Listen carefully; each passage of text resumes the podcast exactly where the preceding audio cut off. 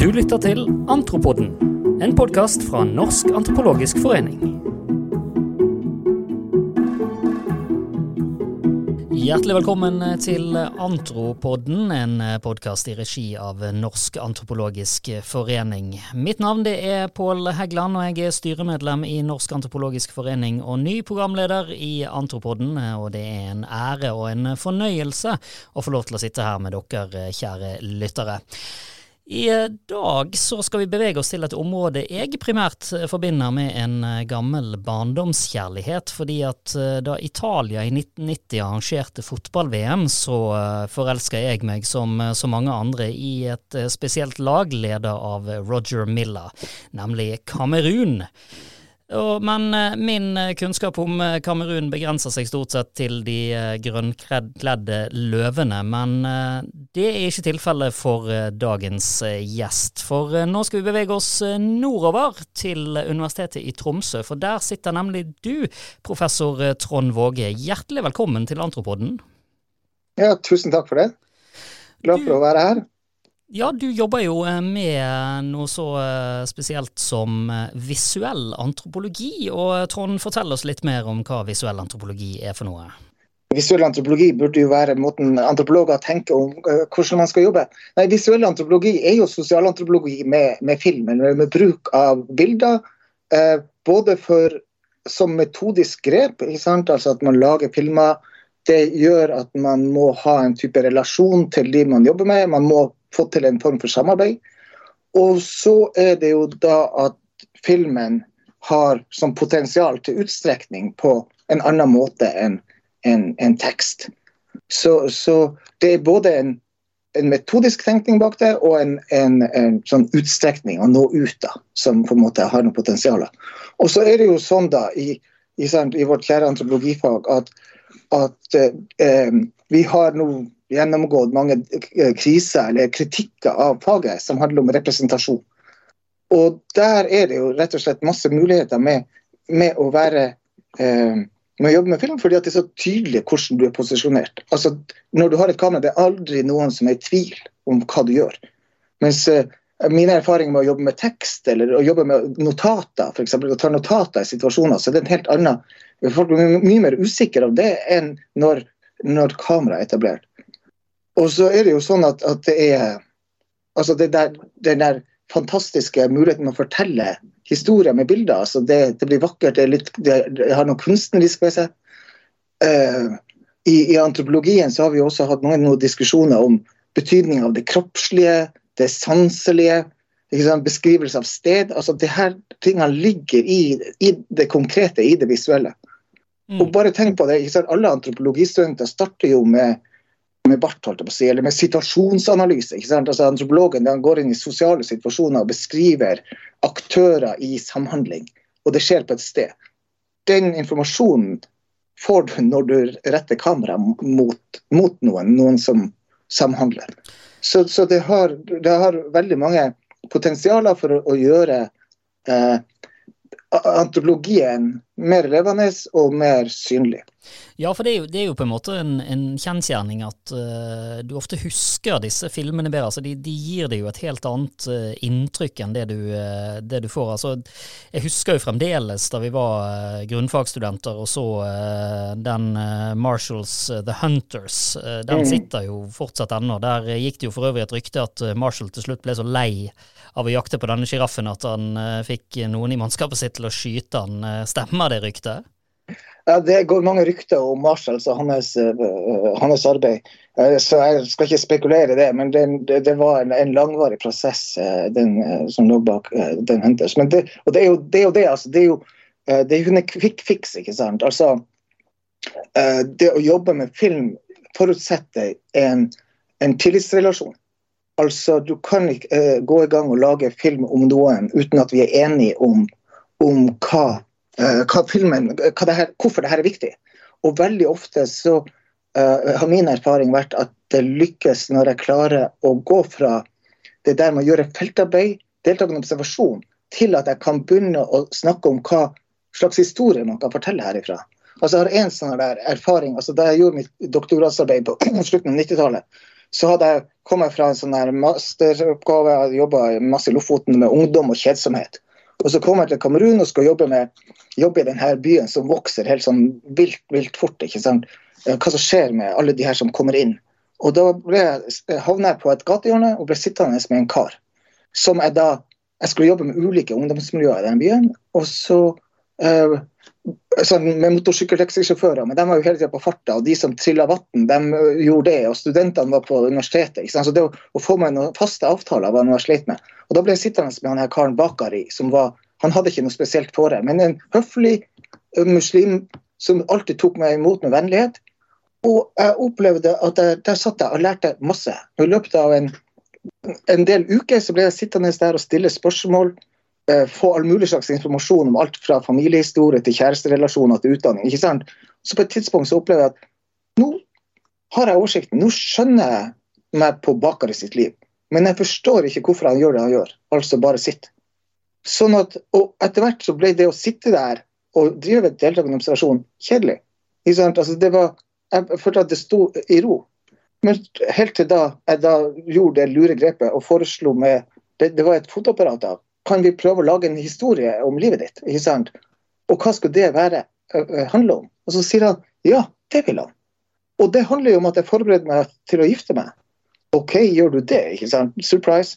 Men det som skjedde da, det var at relasjonen endret seg. ikke sant? For da plutselig, fra at jeg kom med mine velformulerte spørsmål sant, basert på at jeg hadde lest alt mulig om etnisk identitet i bysamfunn osv.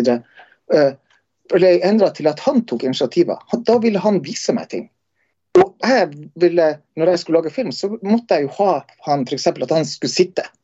Og da, En av de første tingene jeg forsto, var at han satte seg på andre sida av gata. For det var der sola falt, sollyset falt naturlig ved solnedgang. Vakkert lys.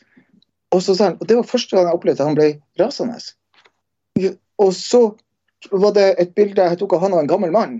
Og når han fikk se det, det her var jo en sånn lysbilde, ikke sant? når han fikk se det, da første gang han virkelig så han uttrykte glede. Ikke sant? Så, og så ville han vise meg sånn og sånn. Altså, Det som skjedde med kameraet, det var at det gikk fra høflighet til følelser. på en måte. Og følelser, som sinne, kan jeg begynne å Det forstår jeg. Ikke sant? Da forstår at jeg, her har jeg gjort noe feil. Her har jeg tråkka på noe som er viktig for han. Jeg kan begynne å fortolke. Mens høflige svar er vanskelig, mye vanskeligere å fortolke. Så gjennom det at vi da skulle lage en historie sammen, så lærte jeg. Det var først når vi begynte å fortelle i lag, at jeg begynte å virkelig få antropologisk forståelse. Mm. Ja, for det, blir, altså, det, det, er jo noe helt annet. Det er jo noe mye mer intimt med å uh, slippe kamera inn på seg. For da er man jo på sett og vis mer sårbar enn når man bare sitter uh, med blokken eller med disse opptaksfunksjonene Uh, altså som vi har. Og det, det og det kommer jo kanskje spesielt til, eh, til syne i uh, den siste filmen du lagde, som heter A Peaceful Place, som uh, følger da en familie, Claudia Simplens og blant annet uh, Elias, som er deres nyfødte sønn. De sier jo i filmen at han ble født on the day the white filmmaker came. That's me. sant? Og den, den, er jo, den, er jo, virkelig Altså, disse er jo flyktninger fra Den sentralafrikanske republikk mm. som har flykta til fra den konflikten der og til det nordlige Kamerun. Og du, eh, og du følger jo de i fem år. Det er jo et, virkelig et, et, eh, et bilde av et, eh, av et, levd liv. Mm, ja. ja, altså um, ja, den, uh, Denne filmen over fem år fordi at universitetet jeg jobber på, vi har hatt samarbeid med Nord-Kamerun i 30 år. Og vi har pågående uh, institusjonssamarbeidsprosjekter som gjør at vi har finansiering til å, at det er der minste gang i året, og veilede studenter og undervise og sånne type ting. Eh, jeg har jo fulgt denne byen. Der jeg satt med han Bakari, som jeg akkurat nevnte, eh, på slutten av 98, der har jeg kommet tilbake jevnlig. Folk kjenner meg der.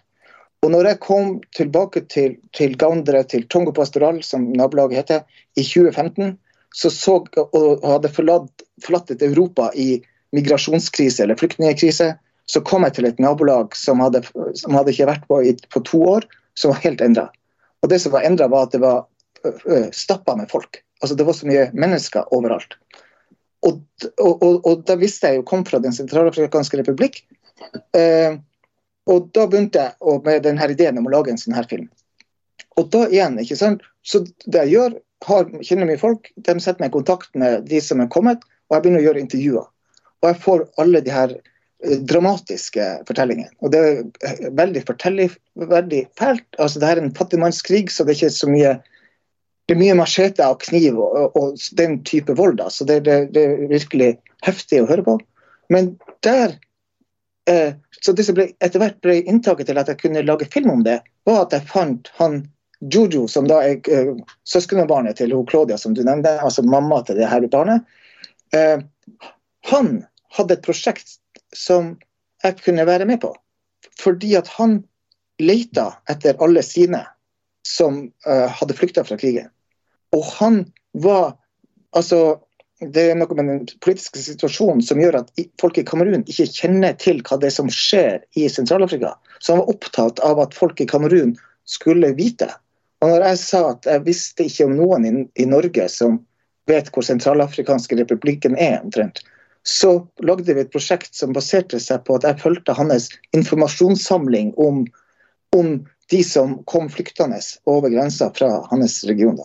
Og, da, ja, og da følger jeg da den her etter hvert en sånn stor extended family over, over fem år. Og det, det har vært veldig eh, heftig, faktisk, å, å, leve så nært den der Altså den smerten eh, som ligger i å, å, måtte flykte fra krig, og, også, og det altså tilpasse å måtte leve i skjul for å få inntekter, og, og, også det her med eh, å, å, komme nært inn på hvordan unge kvinner som flykter fra krig, eh, måtte, hva de må gjøre for å tilpasse seg. på en måte, Hvordan deres liv er veldig sånn skjør og sårbar. Mm, ja, for nettopp dette altså det, er jo, det, er jo, på veldig mange måter altså Det er en fin film, men den er også veldig hjerteskjærende å, å, se på. For du har jo, altså Når du snakker om disse Extended Family, så er det jo kusiner til han eh, Jojo.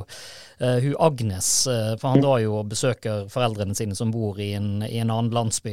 Og hun forteller jo, hun sier jo blant annet ok, nå, nå er du her, nå forteller du min historie, hva, hva skjer nå, på en måte. Mm. Og vi følger jo henne mer. og ja. Altså, vi, møter, ja. ja. vi, møter, jo Agnes da hun er ganske ny i Kamerun og har uh, måttet stikke av fra familien sin uh, under et angrep. Hun var satt til å passe ungene uh, til altså, søsknene sine, mens mora var på, på, et sånt lokalt sykehus for å føde. ikke sant? Og Så mister hun kontakt med familien sin og kommer over til Kamerun. og der har Hun også, hun er da like gammel som min mellomste sønn. altså Hun er 15 år da og allerede født et barn. Hun lever i dyp fattigdom, hun er redd, hun har mista barnet. Hun er bønn fortvilt, og så kommer jeg, denne hvite mannen, inn uh, lag med nivåen og spør om hvordan hun har det. på en måte, ikke sant? Og så er da responsen hennes ja, altså Hun sier noe sånn som at uh, ja, hvordan sier du det? Jeg er vant til å snakke om det på fransk. Men hun sier altså at ja, hvis du ser at vi, eh, vi lider, hva gjør du med det? Mm. Ja, og hva gjør man med det? Altså, og det tenker jeg, altså, Hva kan vi som antropologer gjøre? Uh, hva kan vi bidra med? Vi vet ganske mye om hvordan kriser utvikler seg, hva, hva det er slags prosesser som fører til det ene og det andre. Mm. Uh, hvordan kan den type kunnskap brukes til å håndtere eller til å møte eller til å diskutere den type problemstillinger? Da.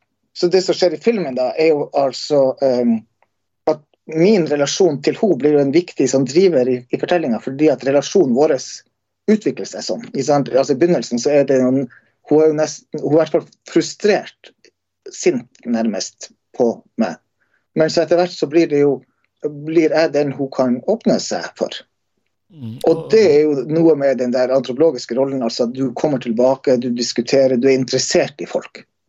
Ja, for Også, hun, hun, hun, åpner jo seg virkelig for deg, altså sånn uh, mer og mer. Blant annet så uh, har hun, gifter jo seg i løpet av uh, filmen, og, og han mannen tar jo til slutt en ny kone, og det, altså det, er, ganske, det er ganske rørende og hjerteskjærende å, å, se på mm. måten hun forteller, og så er det jo på en måte helt i slutten av filmen, når vi møter henne for siste gang, så sier hun på en måte det, altså hva hva er livet mitt? Uh, jeg har ingen utdanning, jeg sitter her, jeg gjør ingenting. Ingenting, på en måte. Altså, det er en sånn utrolig hjerteskjærende håpløshet uh, i henne på slutten der. Ja, altså nå skal vi huske at sentral, altså det er flere ting da. Det Sentralafrikanske republikk er vel den, det landet i verden med der eh, in, altså staten er dårligst utbygd. Altså det finnes nærmest ikke skoler. Og, og, i den delen av landet hun kommer fra, så sykehus er ikke noe særlig. ikke sant? Altså, han ene som, bare for å ta den, han ene som er i filmen, han skader seg etter at filmen er ferdig. da. Uh, men for å få legehjelp, så drar han inn i krigen. For der er uh, medisin, altså Leger uten grenser. Altså, så, så, det er liksom sånne livsforhold. Nei, uh, altså, også det er en annen ting. altså de snakker, Det der med oversettelse. altså Her er jo polygame ekteskap er veldig vanlig. Og når de snakker om å gifte seg, så er det altså et ekteskap er inngått når du har betalt brudeprisen, og det er det ingen som har gjort her. Og så har du den der krigserfaringa, så det, det, du blir underskudd av menn. Så familier prøver, altså man prøver å få menn til å ta seg av flere kvinner. altså Det er rett og slett en del sånne ting som, som skjer her. Men det er klart at hun, uh, mannen hennes, han ser vi ikke i filmen, men han lever på en måte delvis av å fange rotter og spise grille det. altså Det er sånn veldig fattigslig, altså. Sånn at for hun er det altså Det ene er at hun klager, og, og har med rette, vil jeg også si, at hun er oppgitt over mannen sin. Men samtidig så, så, har hun faktisk en relativ suksess. fordi at hun, hun har aldri gått på skole, men hun snakker altså syv språk flytende. Og i løpet av den tida jeg ble kjent med henne, altså, de, de årene jeg fulgte henne ganske tett, så har hun lært seg det etniske språket som er i den landsbyen. Sånn at der integreres, integreres hun ganske bra i forhold til de som bor i byen som blir sett på som sentralafrikanere, som da det er et visst sånn her negativt, folk har et sånn negativt forhold til. Mm. Og, og, og, det ender jo faktisk med at uh, Claudia, moren til han uh, Elias, gutten, hun sier jo det på slutten at hun gjerne vil bli i, i Kamerun. Hun vil at barna skal vokse opp der, for der er det på en måte fredeligere, og vil at de skal assimileres inn i, i samfunnet. Hva, har du hatt kontakt med de i etterkant? Ja da, ja da. ja da. Jeg er jo der. Jeg skal nedover dit nå om ikke så lenge. det er noe av det siste som Claudia, som da er, liksom den ene av to hovedpersoner i filmen hun, um, Filmen ble valgt uh, ut uh, til å bli vist på écran noir, altså svart scene. svart altså lerret. Det svarte lerret. Som er det sentralafrikansk region, altså Sentral-Afrikas største filmfestival. Og Der ble den valgt ut som Kamerun sitt bidrag til beste dokumentarfilm. Og da var det Claudia som presenterte den på, uh, på filmfestivalen. Og det var et stort øyeblikk for henne, og også for meg. Altså At hun fikk stå og, og, og introdusere den for ministre og for, for eliten i, i, hovedstaden.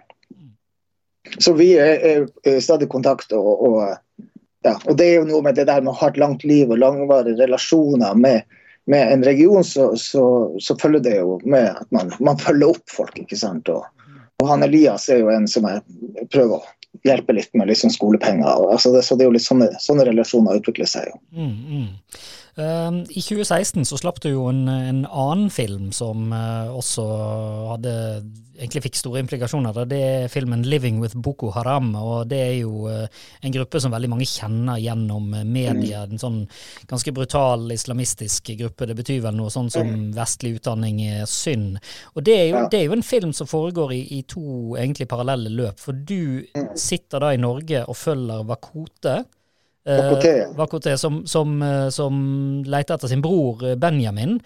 Og så mm. Samtidig så har du da en kollega i Kamerun som følger da moren Antoinette. Eh, og Boko Haram, den konflikten har jo ført til mange altså internt plasserte altså flyktninger internt. da. Eh, og, og, og, fortell litt mer om, om den Boko Haram-filmen. Ja, altså da er det sånn at Vakote han bor på Sofiemyr i Kolbotn og er en veldig god kompis av meg. Og han er også en berømt musiker i eh, Kamerun. Og, når, og han er fra de fjellområdene eh, der Boko Haram liksom Boko Haram begynte med voldelig uro. Det starta i, i nord i Nigeria, i Maiduguri i 2009-2010. Og så spredde det seg rundt, og, og stadig mer mot, eh, mot øst, altså mot Kamerun, og, og, de fjellområdene som utgjør grenseområdet mellom Kamerun og Nigeria, det er liksom der de har hatt sitt sånn stronghold. Det er der de har vært sterkest. Og så er det sånn altså at da eh, Mazamo, som er da eh, Han er eh, var en av mine hovedinformanter på min doktorgrad. Uh, feltarbeid. Han kom til Tromsø som masterstudent i visuell antropologi i 2000. Og har tatt en doktorgrad med veiledning fra min kollega Lisbeth Holter her i Tromsø. Og er nå leder for det her Institutt for visuell antropologi, som er på universitetet i Marwa i Nord-Kamerun. Sånn uh, og han kjenner også Vakote. Og han har gjort sin doktorgradsfeltarbeid i byen til Bakote, altså som er den byen deles av grensa mellom, mellom Nigeria og Kamerun. Og så skjer det her, da. ikke sant? Altså At vi skjønner at Boko Haram kommer nærmere og nærmere, eh, nærmere, og nærmere eh, eh, Kamerun. Mer og mer vold som nærmer seg Mogodé, denne landsbyen. Og vi skjønner da at mammaen til uh, uh, Wakote og familien hans er i fare. Og det her, her, det her skjer det jo noe. Det, det skjer nå. Hva gjør vi da? Og da fikk vi altså tak på litt finansiering som masse må kunne bruke til å leie en sånn stor, rask firehjulstrekkbil. Vi kjenner, vi kjenner han generalen som leder Kamerun sine styrker i kampen mot Boko Haram. Så vi hadde veldig god etterretning. Og så mens da, altså som du sier, Benjamin er borte. Vi venter på at, at her, her, skjer det dramatiske ting. Her skjer det uh, altså, De her jihadistene nærmer seg, nærmer seg landsbyen. Så dro Massimo en, en student inn og, og filma i noen runder. Når også denne generalen var i, i landsbyen. Så vi visste det. Og, og der, når han var der, så visste vi også at det var trygt. Så det var en enorm sånn puslespillsak. Men, men filmen da prøver å følge da det som skjer i den landsbyen, og det som skjer på Kolbotn. Altså Vakoté og hans kone og hans bekymringer for, for jihadisme og, og, og, og, det at denne lillebroren er blitt borte. Mm, mm. Uh, og, det argumenteres jo også for at uh, altså, uh, de som blir med i Boko Haram, det er ikke nødvendigvis en, en religiøs overbevisning. Altså, det er jo noen som ikke er muslimer engang, men de, det, det, er mer altså, det er jo en, en, en, utrolig frustrasjon over det som egentlig er et vannstyre. da, eh, At uh, dette her er, er, er, deres måte å på en måte slå tilbake mot, uh, mot myndighetene. Og, og, så skjer jo det at Libya bombes jo, og Gaddafi blir avsatt. Og det setter jo virkelig fyr på, på Boko Haram. altså Da får jo de tilgang til ressurser som de ikke har hatt før. Norge var med på å støtte bombinga av Libya, mener jeg er en av de største sånn, utenrikspolitiske skandalene i norsk historie. Eh, det er ingen tvil om at det førte til, det førte til eh, destabilisering av Mali. Altså en enorm spredning av våpen. Eh, bare noen uker etter at Gaddafi falt, så hadde Boko Haram våpen altså var det første gang Boko Haram brukte våpen som ikke var hjemmelagd. Bomber og sånne ting i, i Nord-Kamerun er en av de største eh, na, eh, altså naturreservatene i Afrika som er en av de største eh, elefantstammene. Seks uker etter eh, Gaddafi falt, så ble 300 elefanter eh, drept og, og, og, og tennene hogd av og frakta eh, mot Kina. ikke sant? Altså, sånn at, og, og, det at det, det, har virkelig destabilisert regionen i en sånn forstand at, at våpen er blitt mye vanligere i, altså, jeg husker tilbake i 2009 så var jeg oppe i vi var på feltarbeid i et, et, et halvt år i, i Nord-Kamerun, og jeg var der med kona mi oppe, i, oppe, helt oppe i nord, oppe i fjellene der. Utrolig vakkert. altså det er liksom sånn at det, Til og med Nord-Norge sliter med å være like vakker. på en måte.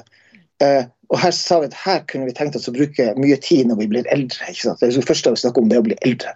Men i hvert fall fem år senere så, så hadde du da småjenter med selvmordsbombebelter i samme område. Så det har liksom skjedd sånn. En enorm dramatisk utvikling i hele, hele regionen. Mm. Og Du har jo sammen med altså Lisbeth Holtedal, din eh, kollega, tatt til orde for at uh, altså, verden må på en måte lære av altså Vi må ikke gå i de samme fellene som, mm. som vi har gjort med Irak, Afghanistan og, og disse områdene. Altså bombe de sønder og sammen. Det er jo, altså Nigeria er jo et veldig oljerikt land, så det er jo på en måte en mm. slags frykt for at USA skal inn og, og, og blande seg inn der. Um, og Du skrev jo bl.a. en veldig veldig god kronikk i Aftenposten som anbefaler alle å lese. Da kaller du um, Boko Haram for uh, at det kan forstås som de indoktrinerte fattiges opprør. Uh, altså, hva, hva, legger du i det?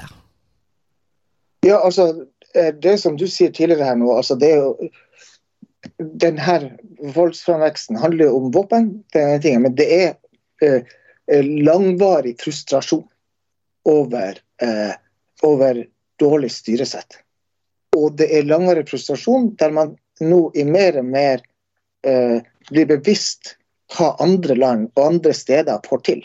Altså, det er jo noe av det som her med, med, med Android-telefoner og nettilgang har gjort. Altså, det er eh, informasjonstilflyt som gjør at uh, det som tidligere var perifere regioner, nå har mer informasjon. Og så kommer det jo da altså uh, Så man har blitt da mer og mer frustrert på de som har utdannelse, som bidrar til systemer som er korrupt. Og, og så er det i hele nord der, så er det samsvar mellom de som har utdannelse og kommer utenifra. Mens de som var de tidligere lederne, altså ledergruppen, bl.a. Kanuri-folket helt i nord, de var i opposisjon til innføring av skole, til, til utdanning. Og har ikke, har ikke utdanning. I hvert fall i, i mindre grad. Og, og de taler for at det førkoloniale systemet var bedre. Det var da de hadde kontroll og var koranlærere og juridisk lærde og alt det der. Og så har det da vært en sånn radikalisering i de der type muslimske miljøene som snakker om hvordan våre forfedre osv., men på en ekstremt så populistisk måte. Ekstremt populistisk, og så har det da vært tilførsel av penger fra noen av de her eh, oljestatene i Gulfen som vi, vi mener og mer spiller fotball med.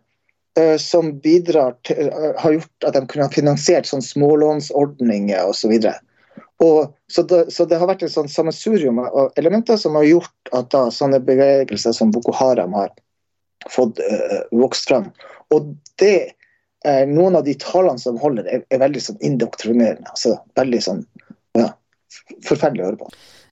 Trond, du, du, har jo en student der nede som du nevner, altså Massamo, som, eh, som følger uh, Antoinette uh, i, i, filmen. Og, og, og, der er det jo på en måte interessant. altså hvor, hvor, kommer han inn i bildet? Du nevner jo på en måte at han har vært i Tromsø, men fortell litt mer om dette. Og... Ja.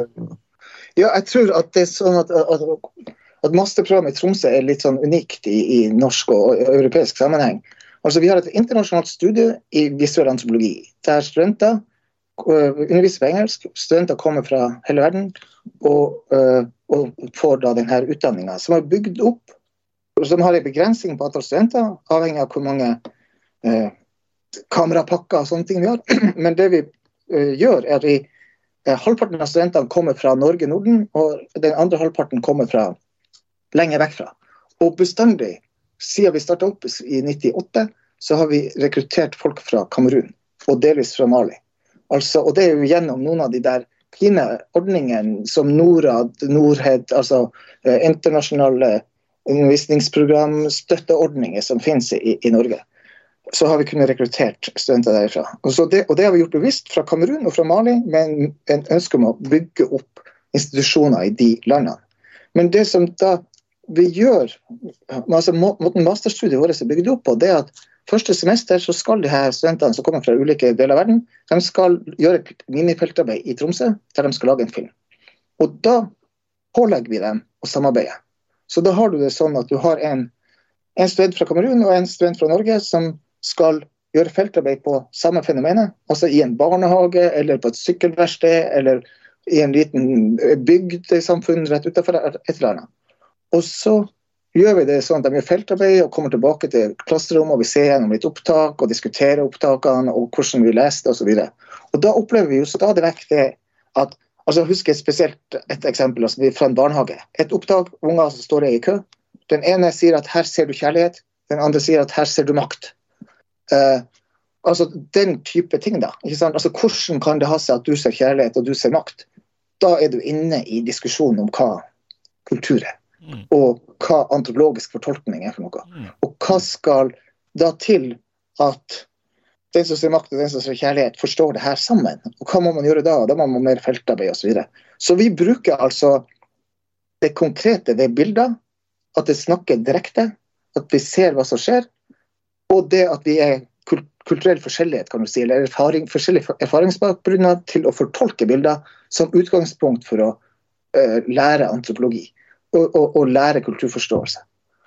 Og, og derigjennom, gjennom et sånn type arbeid, fortolkningsarbeid, at vi enes om hvordan denne scenen kan fortolkes, så bruker vi det som grunnlag også når vi skal bygge opp ei, ei fortelling, en, et visuelt narrativ. Mm, og, og, nå har jo dere på en måte tatt dette uh, mer med, med, prosjektet Sahel on Sahel, da, som er et, et prosjekt som er støtta av det som kalles Norges program for kapasitetsutvikling innen høyere utdanning og forskning, eller NORHED.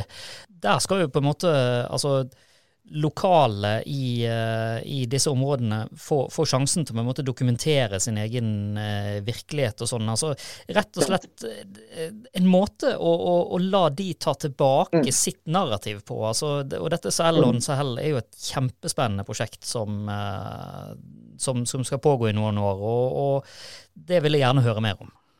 Ja, ja takk for det. Altså, um, ja, jeg tenker at det som har vært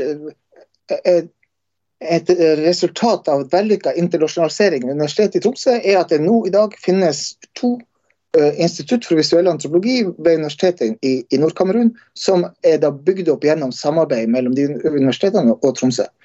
Og så har vi da også hatt samarbeid med Mali, Bamako, uh, fra 2006 til borgerkrigen starta. Vi måtte dessverre avslutte i uh, tidlig 2013, det ble for utrygt å være der. Men nå har vi liksom tatt opp denne forbindelsen.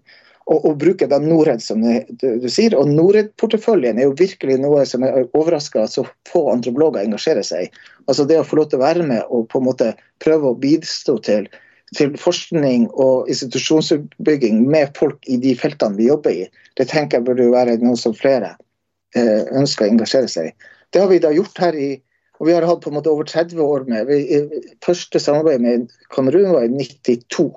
Så vi har liksom over 30 år med, med, samarbeid. Så det vi gjør nå, da, det er at vi holder på å vi bruker de ressursene vi har i, i Kamerun til å gjelde, og, og, her i Tromsø til å bistå med at det skal bygges opp tilsvarende institusjoner i Bamako, hovedstaden i Mali, og i Niamey, hovedstaden i, i, i Niger. Så det er liksom hovedsaken. Men så prøver vi å vi, kaller det for collaborative visual anthropology. Altså En sånn idé om at, at, et feltarbeid, et forskningsprosjekt, skal basere seg på et samarbeid med den villasjen, den landsbyen, eller det folket, eller de som representerer det fenomenet som er interessant å studere. Og, og så tar vi det her da, til et litt sånn nytt nivå, mener vi. Altså med å gjøre to ting. Det ene er at vi, vi bruker da de som har en master i visuell antropologi, altså begynt på doktorgrad, har midler til ett år med, med å arrangere en serie med workshops. Vi har eh, bærbare PC-er, vi har masse småkameraer, eh, enkelt utstyr. Og så drar vi med, diskuterer da i forskningsgruppa vår altså, hvor er det de interessante feltarbeidene kan gjøres nå. Hvor er det de interessante tematikkene vi ønsker å belyse. Hvor er det vi har kontakter som kan hjelpe oss å bistå til med at vi kan lage noen interessante forskningsprosjekt, filmprosjekt. Så nå har vi i, i Nord-Kameruna, i Marwa, holdt på i et helt år med å arrangere åtte sånne workshops som foregår i en sånn eh, måned til to måneders periode. Altså med opptak, med uh, sam, vi ser gjennom footage, diskuterer footage mellom oss og med, med landsbybefolkninga, eller hva det er.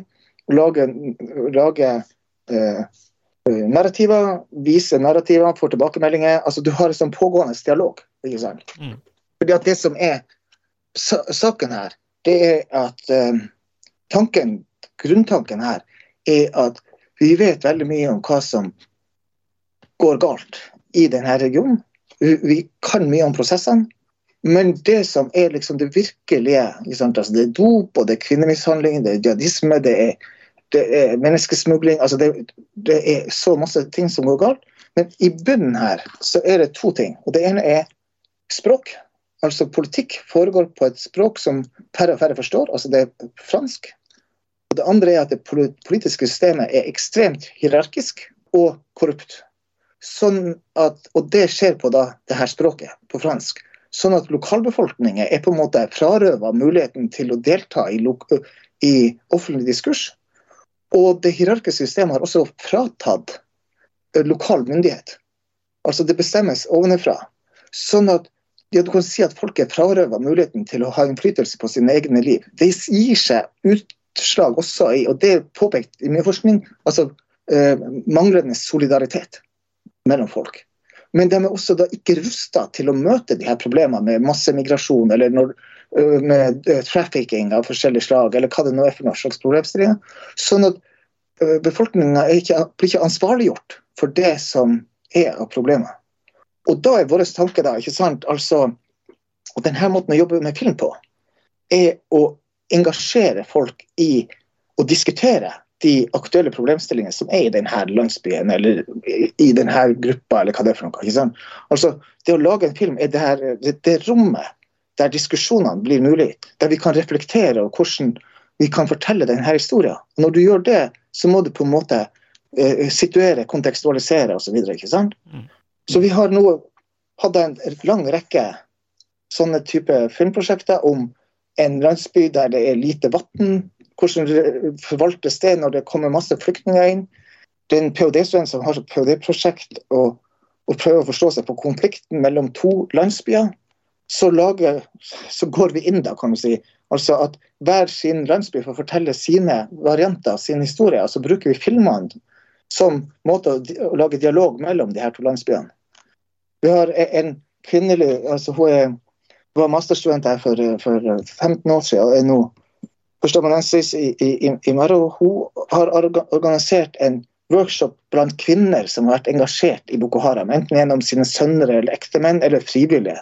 Og så lager de, prøver å lage fortellingen til disse kvinnene, da, fortalt med deres ord osv. Dette blir da sånne rom for, for diskusjoner.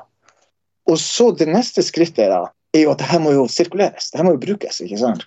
Så vi har nå et ganske stort sånn her sak på å lage eh, bibliotek, arkiv.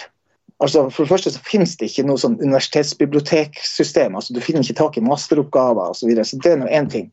Men, men, vi skal bruke de her filmene kobla opp mot ressurser til å, å, å, å lage undervisningsopplegg eller diskusjonsopplegg. Jeg vil bare nevne at vi, for så hadde vi på Vi kobler det her opp mot NGO-er. Så det vi har gjort nå i fjor og skal gjøre i år, er å lage 8. mars-opplegg. Altså filmer som tar for seg kvinners situasjon. Og så blir det diskusjoner rundt det. Og, og det opplegget blir nå gjort om til et, et, et bachelorkurs i kjønn og samfunn på, på et av universitetene. Altså, vi er veldig opptatt av å gjøre god feltarbeid, tjukk etnografi, men vi er også opptatt av at dette skal bli til noe mer enn til CV-en til professoren og studenten, men at det skal inngå i å bli til samfunnsdiskusjoner som da har det som potensial å sirkulere og bidra til dialoger og endring. Mm. Ja, for, du beskriver jo på sett og vis en, en form for empowerment altså for, uh, ja. for, for disse. Og, og, og, det ligger jo allerede en del filmer ute som, som er laga på prosjektets nettside som man kan, man kan, se selv. Og en del av disse filmene, der, der er det jo en del spørsmål som på en måte Eh, mm. Som, som, du som seer må på en måte stille deg sjøl, nettopp for å skape den diskusjonen og få deg til å mm. reflektere på en, på en, helt annen måte enn hvis du bare på en måte sitter og tar imot. da. Det, det er akkurat det vi har jobba veldig mye med nå. Nå har, nå har, vi hatt eh, to stykker som har brukt mye tid på, i, i Nord-Kamerun på å, å, reise rundt til landsbyer og vise filmer. Og det har vært kjempekomplisert, for i og med at det er så mye uro, så må du ha tillatelse hos politisjefen og alt det der. Så det har vært vanskelig. Men hvordan har du ei, ei, visning av noen utvalgte filmer i en landsby, der man ikke er vant til å ha filmvisninger, der man ikke er vant til å diskutere filmer, og, og der den sosiale strukturen i landsbyen spiller inn på hvordan folk eh, snakkes. ikke sant? Altså Når landsbysjefen er der og han har sagt noe, så blir det, så blir det ikke noe mer diskusjon. ikke sant? Så vi må tenke veldig på eh, hvordan vi organiserer visninger, hvordan vi skal gjøre det for å prøve å få til dialoger. da. Og hvordan får man til en dialog? Det er jo det som er, er virkelig burde være sånn her, nøkkelkompetansen til en antropolog som er opptatt av krysskulturell kommunikasjon. Og, men så, så, vi jobber da med hva er lure spørsmål å stille til, til filmer, avhengig av publikummet. Altså identifisere tematikker og lansere dem i forhold til da de forskjellige settingene som de skal, skal vises i. Så vi er opptatt av altså, at de skal brukes i de regionene de er, mm. de er lagd. Mm. mm. Føler du det lettere å få, å få gjennomslag uh, gjennom disse filmene enn det ville vært med, med en vanlig etnografi på, i tekst? Ja, det er klart, altså, For den type formål som vi gjør nå, så er det jo altså her er det jo illitterære befolkningsgrupper. ikke sant? Altså, Jeg husker så godt at den første gangen jeg hadde en artikkel i Norsk antropologisk tidsskrift, det var samme uka som det var premiere på filmer til studentene våre på, på filmfestivalen i Tromsø. ikke sant?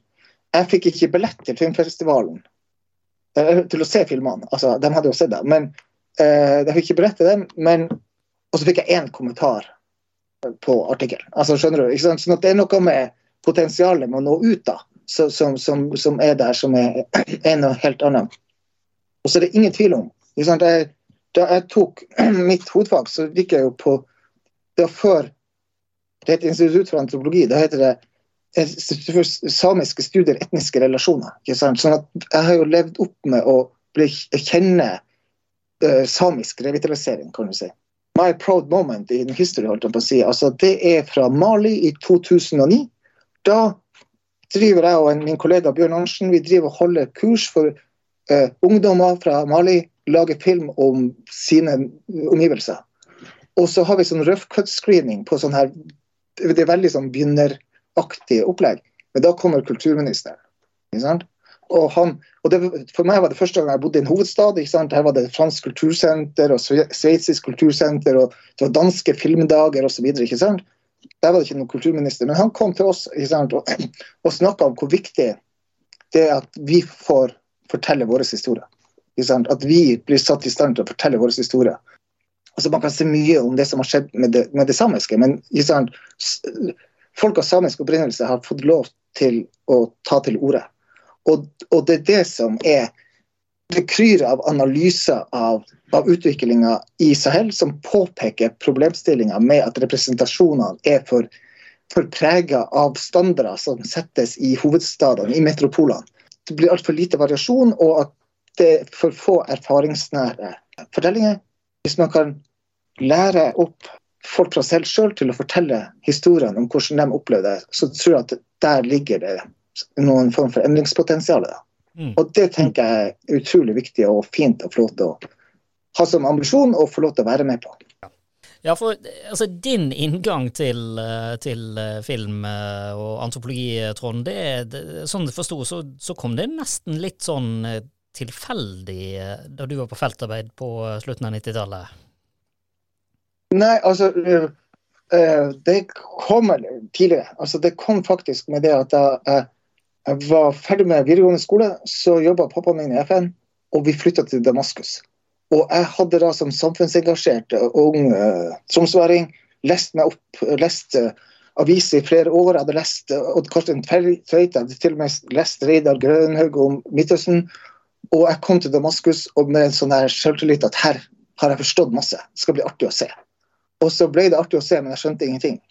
Og den opplevelsen var en sånn her timeshane, eh, altså noe som endra uh, eh, meg veldig. Og da hadde vi da hadde vi gjennom FM-systemet fått kjøpt et sånn tidlig videokamera, og jeg begynte å, å filme og styre litt da. Og så når jeg da kom på på hovedfag så var jo tanken om å, å dra tilbake til, til, til Midtøsten på feltarbeid, men da starta de der første Kuwait-krigene.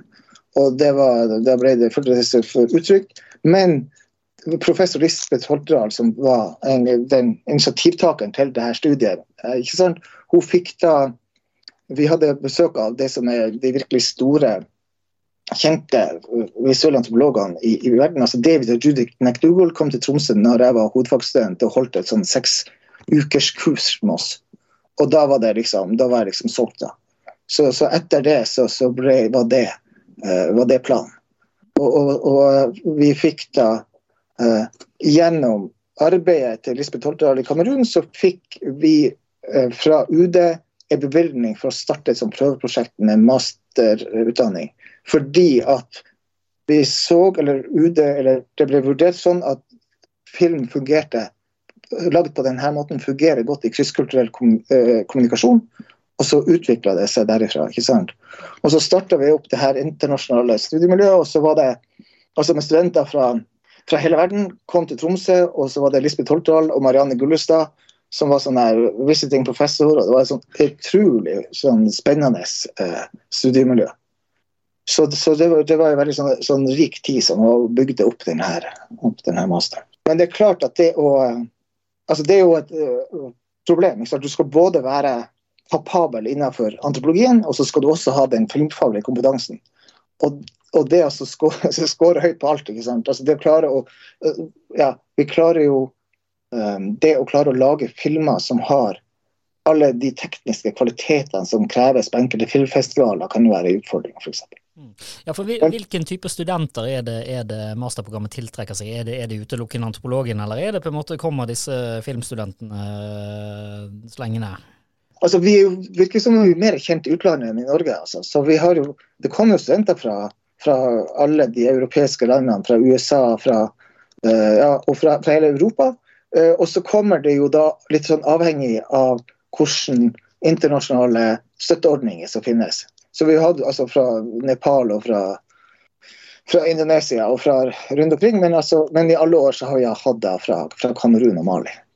Hva er utfordringene med å, å, å lage antropologisk film? Altså jeg tenker for eksempel, Det finnes jo kulturer f.eks.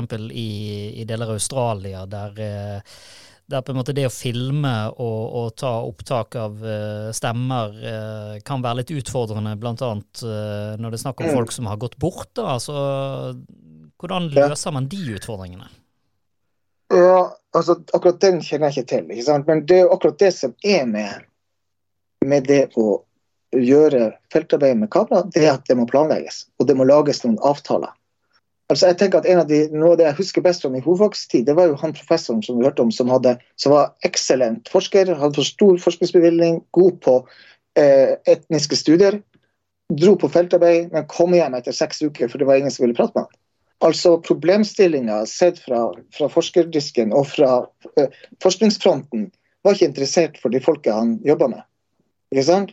Og Det er jo kanskje et ekstremt eksempel, men det, er jo, det kryr jo de eksemplene på at man forbereder prosjekter, så blir det veldig annerledes. Det som du må når du, du lager film, det er at du må på en måte du må engasjere deg i noen relasjoner som vil det her. Altså Du er nødt til å framforhandle noe som, som, er interessant for de som er med. De kan jo en, til hver tid trekke seg ut. altså sånn, Vi har jo kontrakter og, og sånne ting. da. Men, men, nettopp det at det er da fortellinger som har i seg engasjement, og gjennom det og Da får du en type samarbeidsrelasjon som utvikler seg på et eller annet nivå som gjør at det er ikke bare min antropologen sin interesse, men det er faktisk også de du jobber med sin interesse. Og til sammen så kan det bli ganske interessant, fordi at man brynes mot hverandre. Og, og der skjer da den antropologiske læringa. Trond, vi eh, begynner å nærme oss uh, slutten her, og du sier jo det at uh, programmet det er ikke så veldig kjent i Norge. Men skal vi satse på at uh, det er blitt litt mer kjent nå, at norske ja. studenter faktisk får lyst til å lage film? For det, altså, Hvorfor skal antropologer eh, lage film? Jo, fordi at antropologi handler jo om å beskrive og analysere samfunn. Vi gjør feltarbeid for å lage gode skildringer. Vi snakker om erfar erfaringsnære eh, beskrivelser osv. Den biten kan ved fornuftig metodetenkning og bruk oppnås visuelt. Og da når du langt utover har du mulighet til å nå langt utover det som er, en er vanlig antropologikarriere. Altså, vi har jo f.eks. hatt han studenten fra Nepal jeg snakker om, han, han reiste i de påfølgende ti årene etter at han var ferdig med sin master, med masterfilmen sin rundt omkring på filmfestivaler i, i Asia. Altså, så, så, så, du har den type biten. Og så er det sånn at, at det som eksaminatorene sier til våre studenter, det er at det er artig å komme til Tromsø fordi at alle masteroppgaven. De skriver tekster også. Film på 30 minutter, tekst på 50-60 sider. Alle masteroppgavene våre baserer seg på empiri. du er garantert at du har god empiri når du har klart å realisere den type prosjekt som jeg her snakker om. Sånn at det er da den empirinære antropologien. Og, og det mener jeg at det er belegg for i nyere antropologihistorie. At det er en enighet om at det er etnografien ikke sant, som er det som er antropolog, antropologens varemerke. Og det er det vi også er på jakt etter med, med å jobbe med, med film. da. Mm. Professor Trond Våge, tusen takk for at du var med i, uh, i Antropoden. Og eh, til slutt, uh, hvor kan man se disse filmene som, som bl.a. du har laga? Altså, noe av det kan ses på NRK. noe kan ses på Vimeo-kanaler. noe kan ses på hjemmesiden vår. Så det er liksom Men vi plages nå med pga. omstrukturering av digitale plattformer på universitetet sentralt, og noe som handler om noen sånn juridisk spissfindigheter. At vi ikke har den endelige plattformen der alle masterstudentene våre sine filmer er, er tilgjengelig. Men vi jobber med saken, og det, det, det kommer. Men hvis du leter etter navnet mitt for på, på UiT sine hjemmesider, så, så finner du den der. Veldig spennende. Da håper jeg så mange som mulig eh, tar eh, turen inn og eh, ser filmene dine. Tusen takk for at du var med oss, Trond. Ja, takk for at jeg fikk være her. Ja, vi sier takk til Trond Våge for en utrolig spennende prat. Og så, som jeg sa, så anbefaler jeg alle å ta en titt på filmene hans. Og Antropoden den hører du på alle kanaler der du finner podkaster, og spre den gjerne rundt, og så høres vi igjen ved neste korsvei. Da ønsker jeg alle sammen en riktig god dag, uansett hvor du måtte være i verden, og husk, ta vare på deg sjøl.